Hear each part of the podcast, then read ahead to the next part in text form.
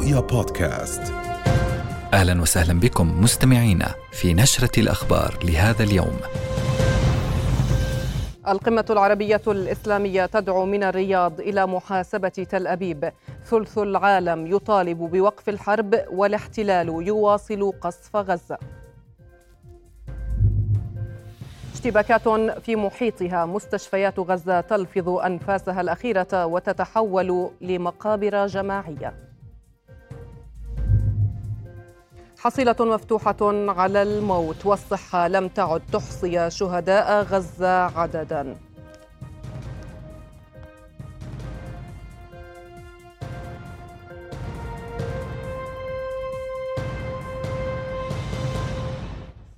أهلا بكم. يواصل الاحتلال الإسرائيلي القصف العنيف على مختلف المناطق في قطاع غزة لا سيما في الشمال. كما كثف قصفه على المستشفيات واستهدف بشكل خاص مجمع الشفاء الطبي الذي لفظ أنفاسه الأخيرة بعد انقطاع الكهرباء والأكسجين. طيران الاحتلال شن غارات على مخيم الانصيرات وأوقع تسعة شهداء وعشرات الجرحى. كما استهدف منازلا في بيت لاهيا وخان يونس ورفح ودمرها على رؤوس ساكنيها. وفي الأثناء دارت اشتباكات ضارية بين المقاومة وقوات الاحتلال المتوغلة في محاور عدة من بينها مخيم الشاطئ ومحيط مجمع الشفاء المحاصر من كل الجهات.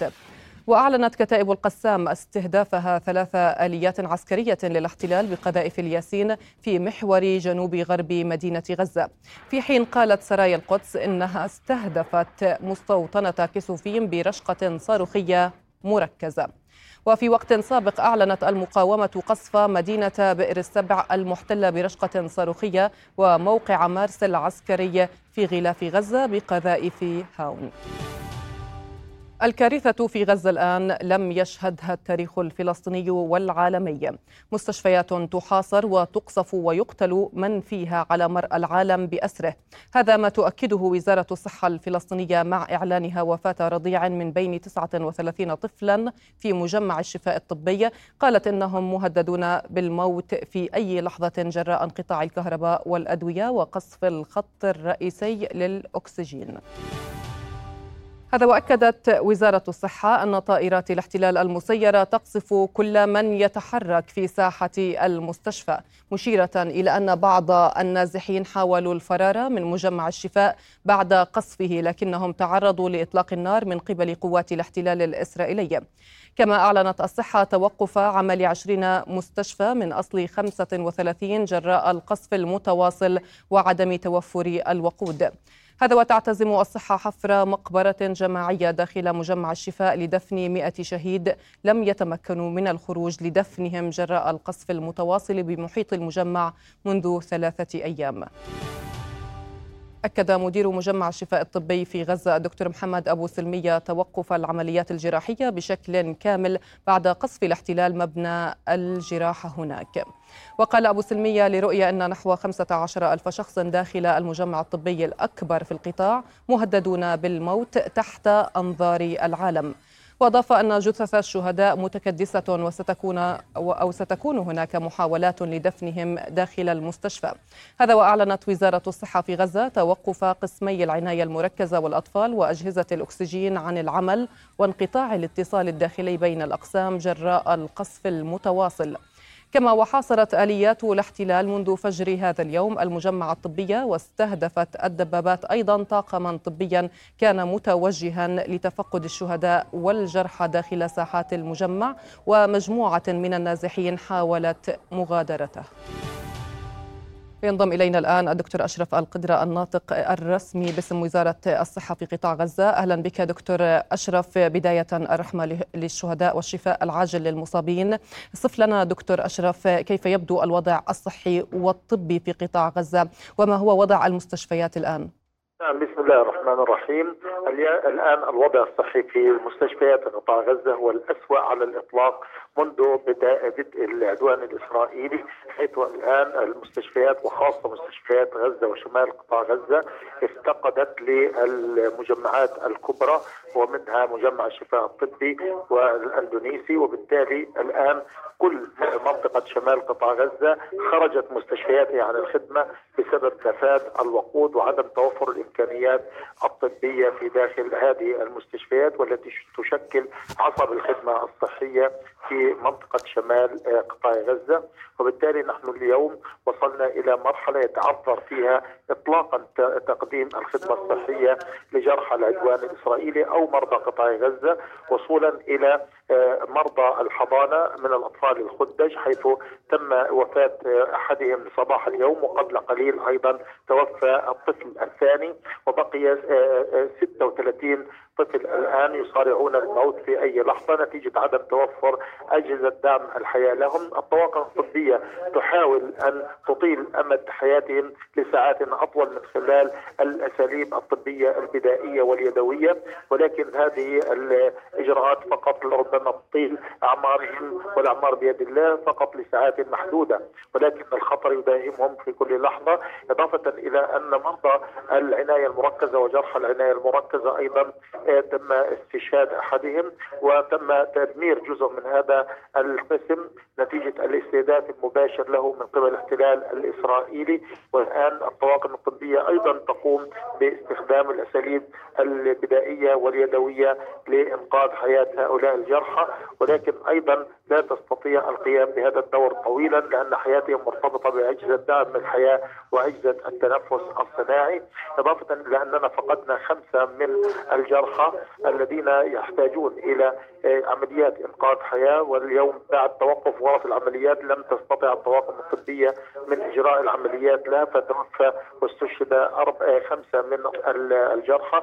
ولربما هذا العدد أيضا يزيد خلال الساعات القادمة لأن في مجمع الشفاء الطبي مئات من الحالات الخطيرة والحرجة والمعقدة والتي تحتاج إلى تدخلات جراحية والتي نعم. توقفت بعد توقف المولد الكهربائي فيها إضافة إلى أن هذا المستشفى الآن محاصر من كل جانب بسبب الاستهداف المركز من قبل المدفعية الإسرائيلية ومن قبل أيضا الطائرات ومن قبل أيضا القناصة التي تقوم باستهداف ساحات هذا المستشفى. نعم يعني اذا مجمع الشفاء محاصر من جميع الجهات من قبل قوات آه، الاحتلال. ولكن ماذا عن الأقسام والتنقل ما بين الأقسام داخل مجمع الشفاء؟ الطبي هل هل هناك انسيابية بالحركة للأطباء داخل المجمع؟ لا يوجد أي تنقل بين المباني الجراحية أو الباطنية أو غير ذلك. أي أي طاقم طبي ينتقل من مكان إلى مكان يتم استهدافه وقد جرى استهداف أحد طواقمنا بجراحة خطيرة حيث تم إصابته من قبل القناصة. في بمنطقه الرقبة والآن يصارع الموت لعدم توفر خدمة خدمة إنقاذ الحياة له. ولكن هنا يجدر الإشارة إلى أن محاصرة الجيش الإسرائيلي لهذا المستشفى ليس بمحاصرة الدبابات لهذا المستشفى ولكن بالنيران التي يقوم الاحتلال الإسرائيلي بضرب حزام ناري متتالي على هذا المستشفى والدبابات لا زالت يعني تبعد يعني تقريبا 200 متر عن المستشفى. وبالتالي الاحتلال الإسرائيلي يحاصر هذا المستشفى بكثافة النيران الموجهة حول هذا المجمع وكذلك أيضا الاستهداف الداخلي لهذا المجمع ولا تستطيع أيضا طواقم الاسعاف مغادرة المجمع أو القدوم إليه. نعم، اذا دكتور آه، يعني آه، كم عدد المستشفيات التي ما زالت عاملة في قطاع غزة حتى هذه اللحظة؟ يعني نحن نتحدث فقط عن آه، خمس خمسة مستشفيات هي التي تعمل الآن أو أربع مستشفيات هي التي تعمل الآن في منطقة جنوب قطاع غزة وواحدة تعمل الآن فقط بإمكانيات محدودة وهي مستشفى المعمداني. وربما في أي لحظة أيضا تقف نتيجة عدم توفر الوقود بداخلها ولكنها تجري عمليات محدودة كجراحة العظام والجراحة العامة وليس الجراحة التخصصية التي فقدناها تماما الآن بعد نعم. آه، آه، خروج مجمع الشفاء الطبي عن الخدمة.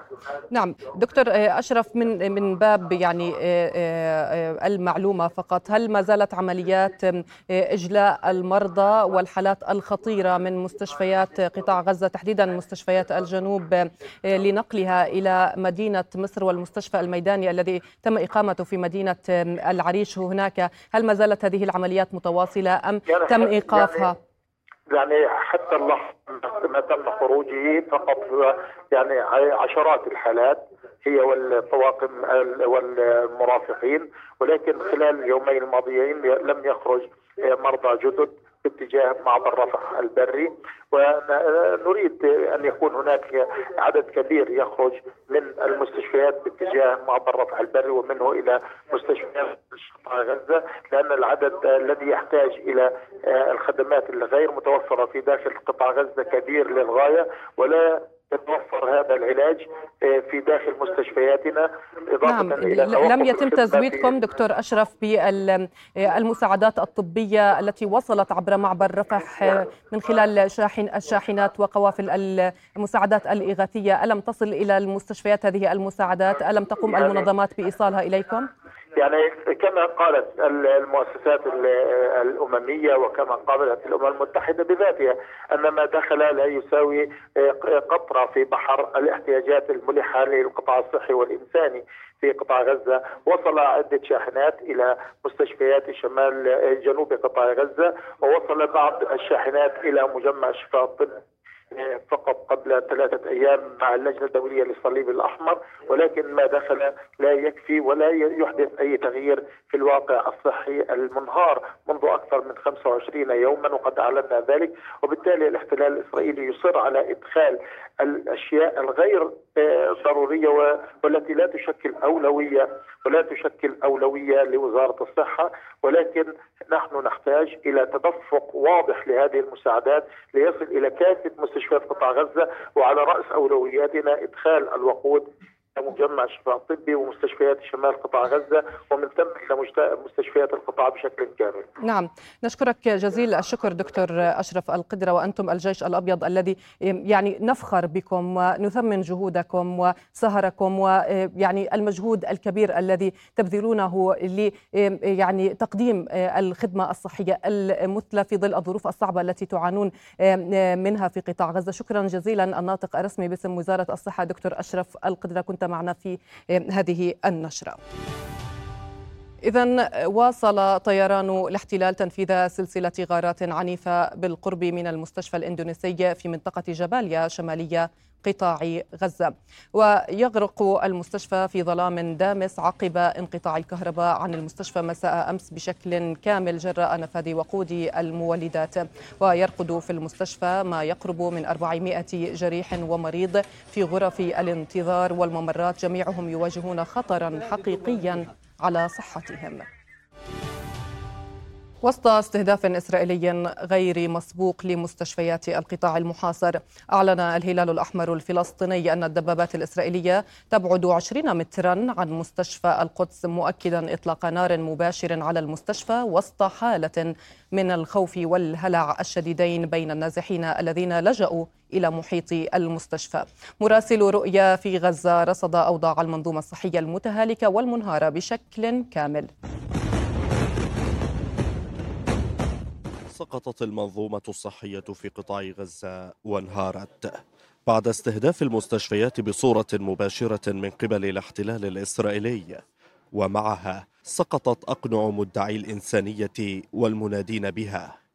المستشفيات في غزة وشمال القطاع خرجت بشكل رسمي عن الخدمة مع استهداف بعضها ومحاصرة البعض الآخر كمستشفى الشفاء الذي انقطع التيار الكهربائي فيه. بشكل كامل الأمر الذي يهدد حياة العشرات. الاحتلال الآن يستهدف كل شيء يتحرك داخل أروقة المستشفى. استشهد ممرض قبل قليل وأصيب مهندس طبي برقبته وهو الآن يصارع الموت. العشرات من الجثث ملقاة في ساحات المستشفى بعد مجزرة المدرسة البراق. بالأمس هناك خمسين جثة فقط من المدرسة وهناك أكثر من خمسين جثة في مشرحة المستشفى الآن. تم قطع الكهرباء أيضا عن المشرحة وبالتالي هي عرضة للتحلل والتعفن. ولم نجد فرصة حتى لدفنها داخل ساحات المستشفى. وضع إنساني يعني جرائم غير مسبوقة أن تتم بهذا الشكل على مرأى ومسمع من العالم أجمع.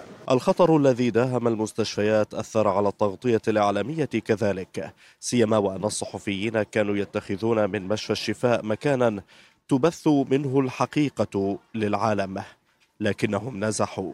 قذيفة صاروخية يعني كانت كفيلة بأنها تنهي عملنا في داخل مجمع الشفاء الطبي. صار الخطر كبير علينا وعلى تواجدنا.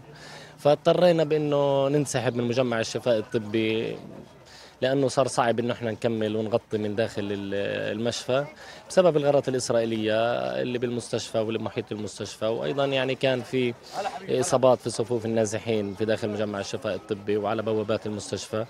عشرون مستشفى في قطاع غزة خرجت عن الخدمة من أصل 35 غالبيتها ليست مهيئة لاستقبال إصابات الحرب.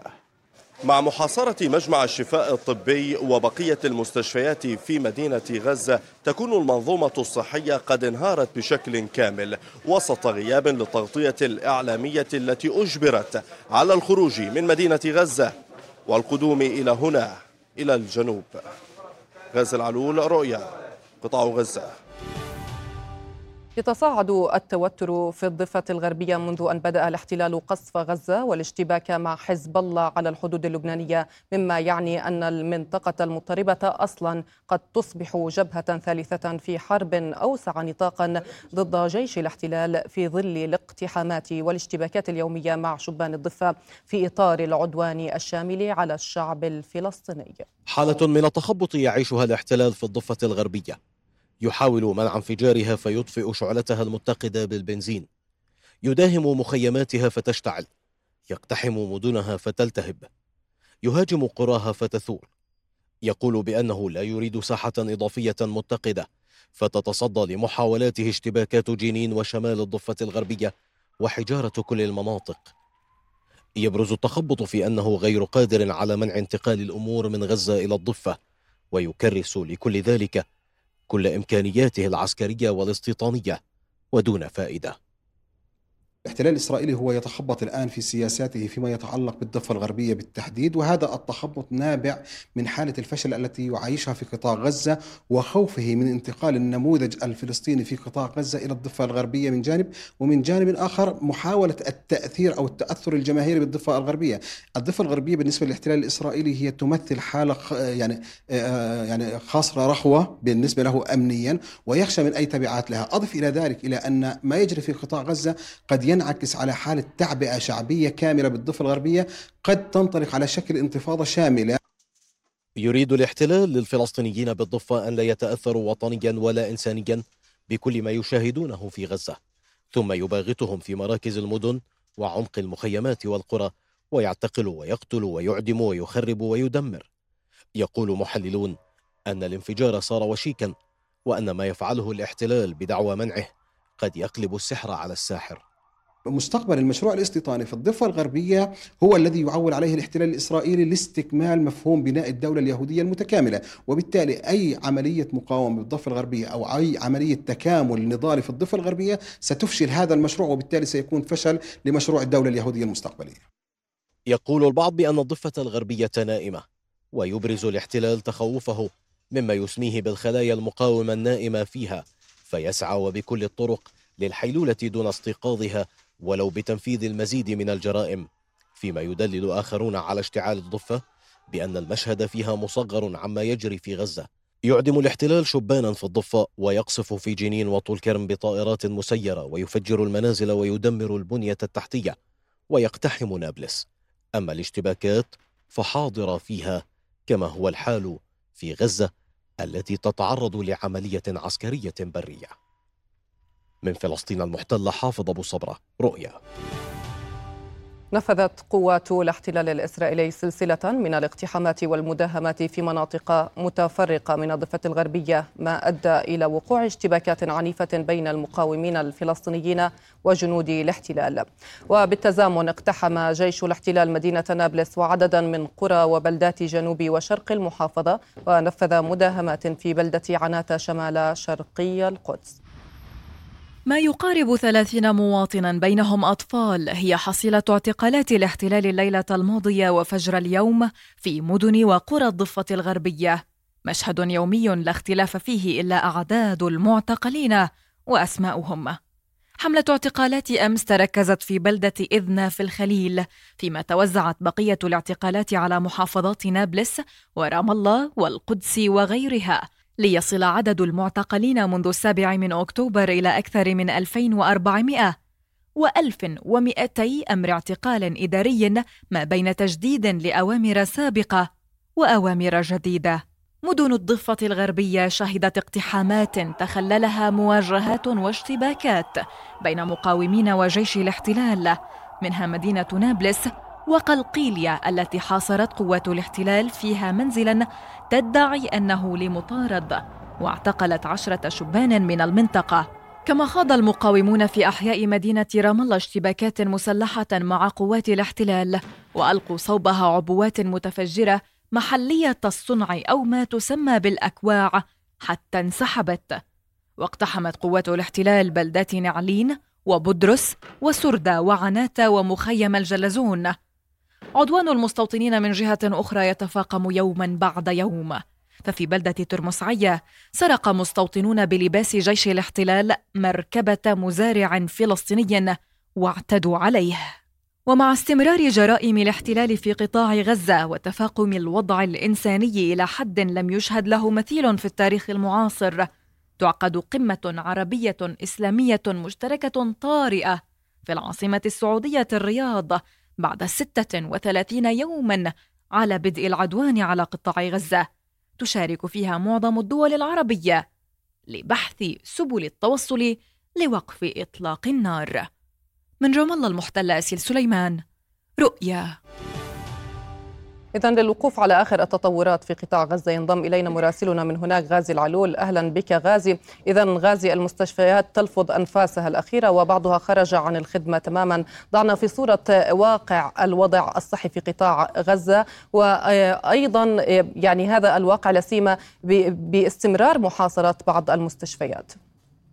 نعم آه، يعني آه، هناك 20 مستشفى آه، خرجت عن الخدمة تماما نتيجة الاستهداف المباشر ونتيجة المحاصره وأيضا نتيجة عدم إيصال الوقود إلى هذه المستشفيات سيما في شمال القطاع ومدينة غزة. هذا الأمر ينذر بكارثه إنسانية متعلقة بحياة المرضى.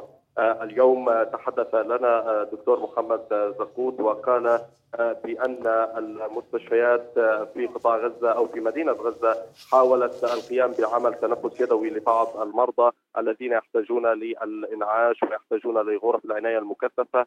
وهذه العملية استمرت لساعتين ولا يمكن أن تستمر لأكثر من ذلك. وعلى إثر هذا فقد الكادر الطبي عددا من المرضى الذين يعني يقطنون في غرف العناية المكثفة وعددهم 40 مريضا سيما في مجمع الشفاء الطبي كل هذه التفاصيل آه، آه، بالتأكيد ستتفاقم آه، خلال الساعات المقبلة مع استمرار حصار هذه المستشفيات والاستهداف المباشر لكل من يتحرك في باحات المستشفيات سواء كان ذلك في مجمع الشفاء الطبي أو حتى في المستشفيات المحاصرة الأخرى المتعلقة بمدينه غزة مثل طبعا مستشفى القدس وأيضا مستشفى النصر والعيون وكذلك الرنتيسي والأندونيسي. هذه المستشفيات خرجت تماما عن الخدمة ولم تعد قادرة على تلبية آه، آه، يعني الاحتياج للمرضى، كذلك لم تعد قادرة على الوصول لأماكن الاستهداف ونقل المصابين، هناك استهدافات طالت منازل مدنية مأهولة ولم تستطع سيارات الإسعاف الوصول إلى آه، هذه طبعا إلى هذه الأماكن المستهدفة. ونتحدث عن عشرات الشهداء لا زالوا تحت الأنقاض. آه، آه، نتيجة عدم آه، تمكن أطقم الدفاع المدني كذلك من الوصول إليهم. نتحدث عن فصل تام لمدينة لقطاع غزة غزة شمالية وأخرى جنوبية. هنا في جنوب القطاع أيضا الحياة لم تتغير. هناك بالفعل عدد من الاستهدافات رصدناها لعائلات فلسطينية. أبرزها عائلة الكاظمي هنا في خان يونس وأيضا عائلة الفرة. وصل على إثر ذلك آه، آه، ثمانية شهداء بالإضافة إلى استهداف طال منزل لعائلة الغوطي في آه، رفح ووصل 15 شهيدا ولا زالت عمليات البحث مستمرة تحت الأنقاض من قبل أطقم الدفاع المدني. الأمور آخذة بالتسارع وآخذة بالانهيار الانهيار الملحوظ بالنسبة للمنظومة الصحية. بعد أن انهارت كل المستشفيات في مدينة غزة والآن نتحدث عن انهيار قد يصيب المستشفيات في جنوب القطاع نتيجة نعم. عدم توفر الوقود وبالتالي هي اباده جماعية يتعرض لها الشعب الفلسطيني في وقت لا يلتفت الاحتلال ابدا لأي ادانات أو أي اجتماعات أو أي قمم تعقد من أجل الإدانة ومن أجل التنديد بما يتعرض له الشعب الفلسطيني. كل هذا يأتي في وقت تستمر فيه الاشتباكات على عدة محاور، أهم هذه المحاور هو المحيط القريب من مجمع الشفاء الطبي، من المتوقع أنه خلال ساعات قد تحاصر بالفعل القوات قوات الاحتلال الإسرائيلي مستشفى الشفاء وبالفعل أيضا يمكن الإشارة إلى أن الهدف بالنسبة للاحتلال بات قريبا من التحقيق وهو الوصول إلى مستشفى الشفاء والتفتيش في داخله نظرا للاعتقاد السائد بالنسبة للاحتلال بأن حماس تتخذ من هذا المستشفى مكانا للاختباء ولإدارة العمليات العسكرية كما يقول آه، طبعا الجيش الاحتلال الإسرائيلي. آه، نعم. هذه التفاصيل تعرض حياة النازحين الموجودون داخل المستشفيات وكذلك المرضى إلى خطر وهذا ما سيرفع كلفة الشهداء وأعدادهم خلال الساعات المقبلة إذا ما آه، تهور أكثر الاحتلال الإسرائيلي في استهداف المدنيين والمرضى وكذلك النازحين. نعم، نشكرك جزيل الشكر مراسل رؤيا في قطاع غزة غازي العلول وننتقل مباشرة إلى مراسل رؤيا في نابلس حافظ أبو صبرة، أهلا بك حافظ. اذا آه، حافظ نستعرض وإياك آخر التطورات الميدانية في عموم الضفة الغربية خاصة مع التصعيد الأخير في مدينة جنين. إليك حافظ. نعم يعني سجلت الطواقم الطبية ارتقاء شاب فلسطيني في بلدة عرابة يبلغ من العمر 22 عاما خلال اقتحام قوات الاحتلال للبلدة واندلاع مواجهات إثر هذا الاقتحام. هذا الاقتحام يأتي ضمن سلسلة اقتحامات لمدينة جنين ومخيمها والقرى المحيطة بها ضمن محافظة جنين شمال الضفة الغربية وضمن سلسلة اقتحامات ومداهمات تنفذها قوات الاحتلال في عموم أرجاء الضفة الغربية. استشهاد الشاب وسام يرفع عدد الشهداء الفلسطينيين منذ السابع من أكتوبر إلى 184 شهيد وهذا رقم كبير حقيقة فيما يتعلق بتصعيد الاحتلال ومجازره المستمرة آه، في مناطق الضفة الغربية. يعني بعيدا عن تطورات الميدانية أنا في وسط مدينة نابلس للحديث عن هذه الوقفة التي ينفذها أطفال فلسطينيون منذ أسبوعين. يطلبون من أهاليهم الخروج والتظاهر وسط مدينة نابلس لجراء ما يحدث مع أشقائهم في قطاع غزة. ويقرؤون كلمات باللغتين العربية وبالإنجليزية ويوجهون رسائل للعالم بأنه عليه أن يستيقظ أمام هذه الجرائم المنفذة بحق الطفولة. حقيقة سألت الأطفال وجلسنا معهم قبل الخروج على الهواء وهم من يطلبون من أهاليهم الخروج والمشاركة في هذه التظاهرة ولم يملوا منذ أسبوعين. وعددهم قليل حقيقة. منذ أسبوعين يتواجدون هنا وسط مدينة نابلس ويهتفون ولم يملوا الهتاف بأسماء أقرانهم من الأطفال الذين ارتقوا في قطاع غزة والذين بلغ عددهم الآلاف جراء عدوان الاحتلال الذي يستهدف الطفولة الفلسطينية ليس فقط في قطاع غزة بل هنا في الضفة الغربية وهناك عدد من الأطفال الفلسطينيين الذين ارتقوا في محيط الضفة الغربية جراء استهدافهم من قبل قوات الاحتلال إخلاص الصورة تتحدث وهؤلاء الأطفال يظلون هنا وسط نابلس بالساعات يحملون آه، آه، يعني مطالبهم. على الأوراق ويرفعونها على العالم يشاهد هذه المطالب التي يعني تدعو لوقف إطلاق النار ولوقف استهداف الطفولة ولوقف كل ما يتعلق بمحاولات تجويع وإذلال واستهداف الإنسان في قطاع غزة. هذه الإبادة الجماعية التي يعني من المفترض أنهم لم يسمعوا عنها آه، من قبل ولم يدركوا معناها لكنهم الآن باتوا يدركون بشكل كامل ما الذي يجري في قطاع غزة وكيف آه، يكون الطفل نائما في حضن أمه أو أبيه ومن ثم لا يستيقظ. هذا يدرك اليوم الطفل الفلسطيني في الضفة الغربية تماما كما يعيش الطفل الفلسطيني في قطاع غزة ويخاف هؤلاء من المستقبل بأن يعيشوا ذات الظروف التي يعيشها أقرانهم في قطاع غزة ويطالبون العالم بالوقوف والتدخل رغم علمهم تماما حقيقة.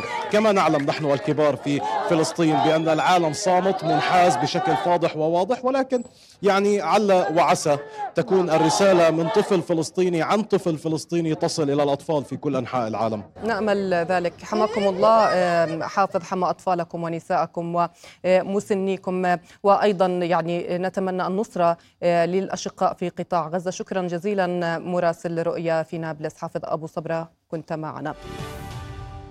إذا أعلنت منظمة أطباء بلا حدود أن مستشفيات غزة تعرضت لقصف متواصل خلال ال 24 ساعة الماضية بينما لا تزال الفرق الطبية والمرضى بداخلها مطالبة بإيقاف عاجل لإطلاق النار على مستشفيات القطاع حتى يتمكن الأطباء من إنقاذ حياة المصابين.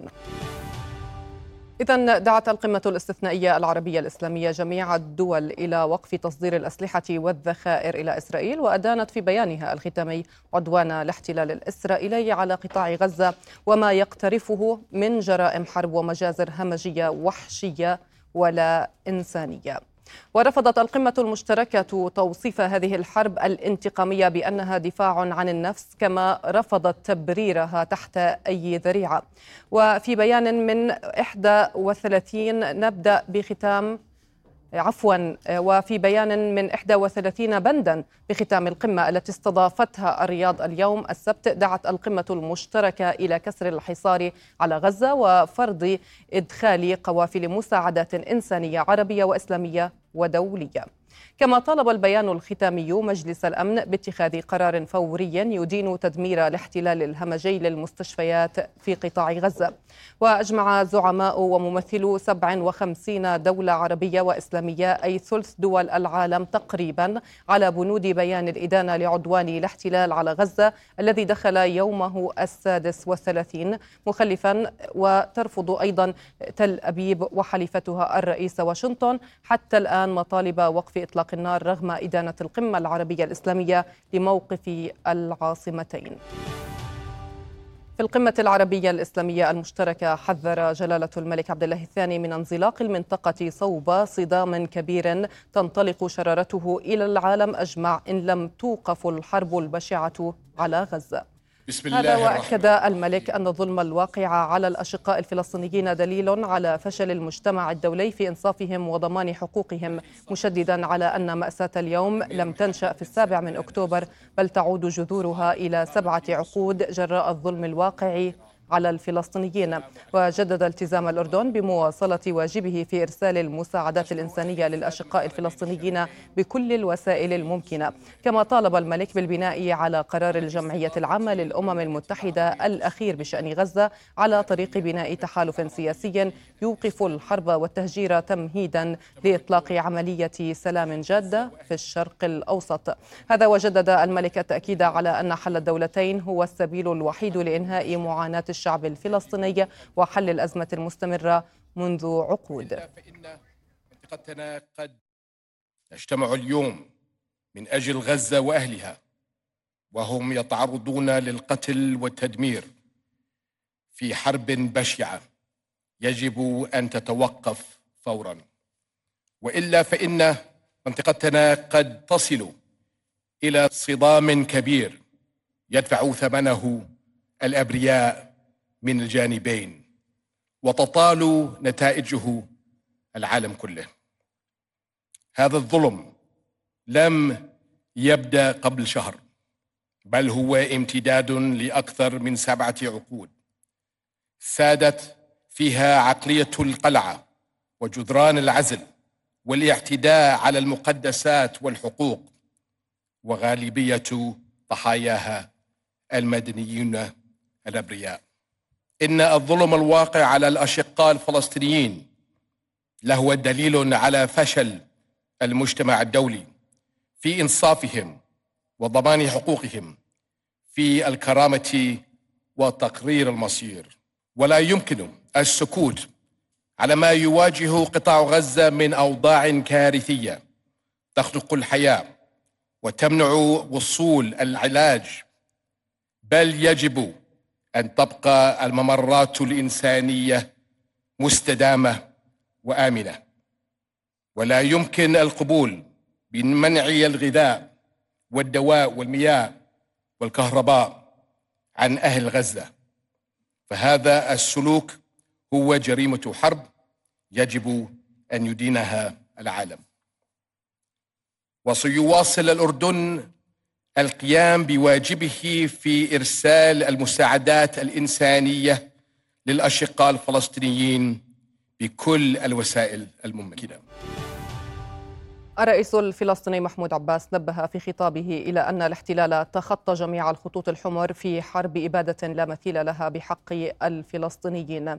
وجدد عباس رفضه التام لأي مساع لتهجير أبناء غزة أو الضفة الغربية المحتلة. مدينا استمرار اعتداءات قوات الاحتلال والمستوطنين في الضفة الغربية.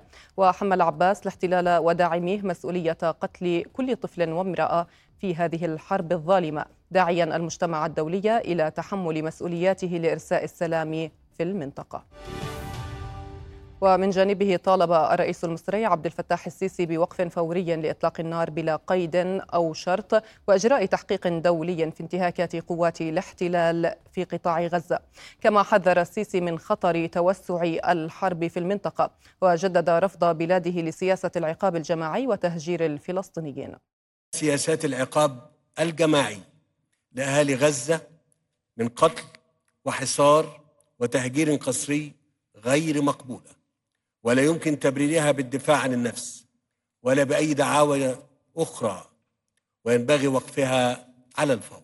أتوجه بحديثي إلى القوى الدولية الفاعلة وإلى المجتمع الدولي باسره أقول لهم إن مصر والعرب سعوا في مسار السلام لعقود وسنوات وقدموا المبادرات الشجاعة للسلام والآن تأتي مسؤوليتكم الكبرى في الضغط الفعال لوقف نزيف الدم للفلسطينيين فورا. ثم معالجة جذور الصراع واعطاء الحق لأصحابه كسبيل وحيد لتحقيق الأمن لجميع شعوب المنطقة. وفي أول زيارة له إلى السعودية منذ تقارب البلدين في آذار الماضي لأول مرة منذ سبع سنوات طالب الرئيس الإيراني إبراهيم رئيسي بقرار تاريخي وحاسم حيال الأوضاع في الأراضي الفلسطينية وشدد على أن الأولوية تكمن الآن في وقف إطلاق النار في قطاع غزة. وأكد رئيسي أن الاحتلال الإسرائيلي ينتهك قواعد الحقوق الدولية بهجومه الشامل على غزة واستهدافه للمستشفيات والمدنيين.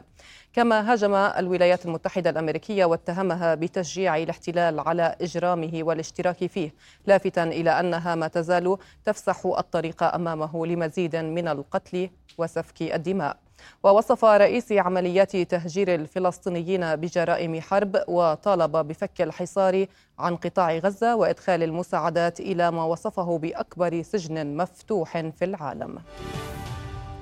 وفي كلمته طالب الشيخ تميم بن حمد الثاني أمير قطر المنخرطة بمفاوضات وساطة بين حماس وتل أبيب لتهدئة إنسانية على قاعدة تبادل أسرى. طالب باتخاذ خطوات رادعة لوقف العدوان وأن لا يقف العرب والمسلمون عند حدود الشجب والاستنكار. هذا وفي أثناء انعقاد القمة العربية الإسلامية المشتركة أكد بن حمد فشل المجتمع الدولي في تحمل مسؤولياته القانونية والأخلاقية متسائلا إلى متى سيسمح لإسرائيل بضرب القوانين الدولية بحربها الشعواء التي لا تنتهي وكأنها فوق القانون. وأضاف بن حمد نأمل في التوصل لهدنة إنسانية في القريب العاجل تجنب القطاع تفاقم الكارثة الإنسانية التي حلت به. إلى ذلك أكد الرئيس التركي رجب طيب أردوغان أن الولايات المتحدة والغرب يدعيان حقوق الإنسان لكنهما للأسف نسيا ذلك أمام ممارسات إسرائيل وفق تعبيره.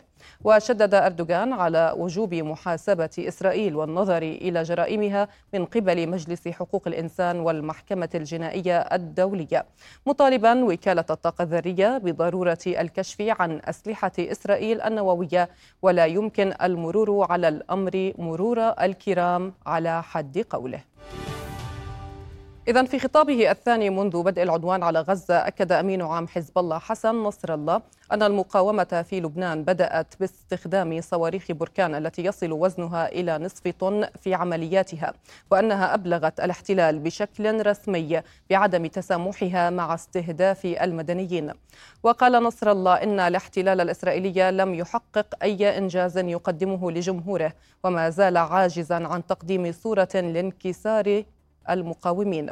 وشدد نصر الله على أن جبهة الجنوب مع فلسطين المحتلة ستبقى جبهة ضاغطة مشيدا بالبيئة الحاضنة للمقاومة. وإلى أهم الأخبار الاقتصادية حيث ثبتت وكالة فيتش التصنيف الائتمانية السيادية للأردن طويل الأجل عند مستوى BB سالب مع نظرة مستقبلية مستقرة. هذا وقالت الحكومة في بيان لها أو أكدت الحكومة في بيان لها أن تثبيت التصنيف الائتماني في ظل ظروف عدم الاستقرار الإقليمي شهادة دولية على مناعة الاقتصاد الأردني وقدرته للتعامل مع التحديات المختلفة واحتوائها. وعزت وكالة فيتش قرارها إلى تنفيذ الأردن إصلاحات اقتصادية ومالية وقدرته على الوصول لمصادر التمويل المحلي والخارجي إضافة إلى نجاحه في إنهاء المراجعة السابعة من برنامج الإصلاح الاقتصادي مع صندوق النقد الدولي. محافظ البنك المركزي الأردني عادل شركس أعلن نجاح الأردن في احتواء معدلات التضخم عند مستويات حول 2% والمحافظة على كفاية الاحتياطات الأجنبية للبنك المركزي المقدرة حاليا ب 17.4 مليار دينار واستمرار الانخفاض في معدل الدولار لتصل حاليا إلى 18.3% أعلنت الأمم المتحدة سيناريوهات خسائر الاقتصاد الفلسطيني في حال استمرار العدوان الإسرائيلي على قطاع غزة محذرة من ارتفاع معدلات الفقر.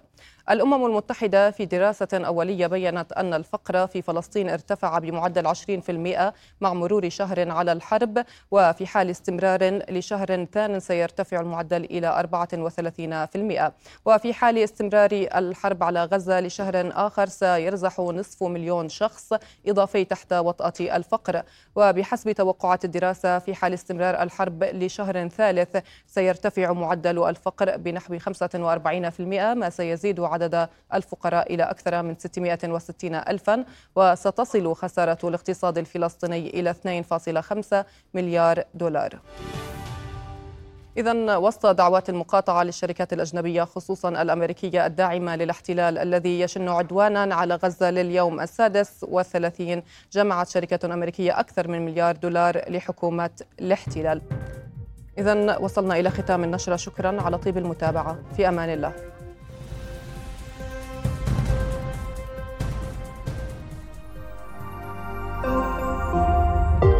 رؤيا بودكاست.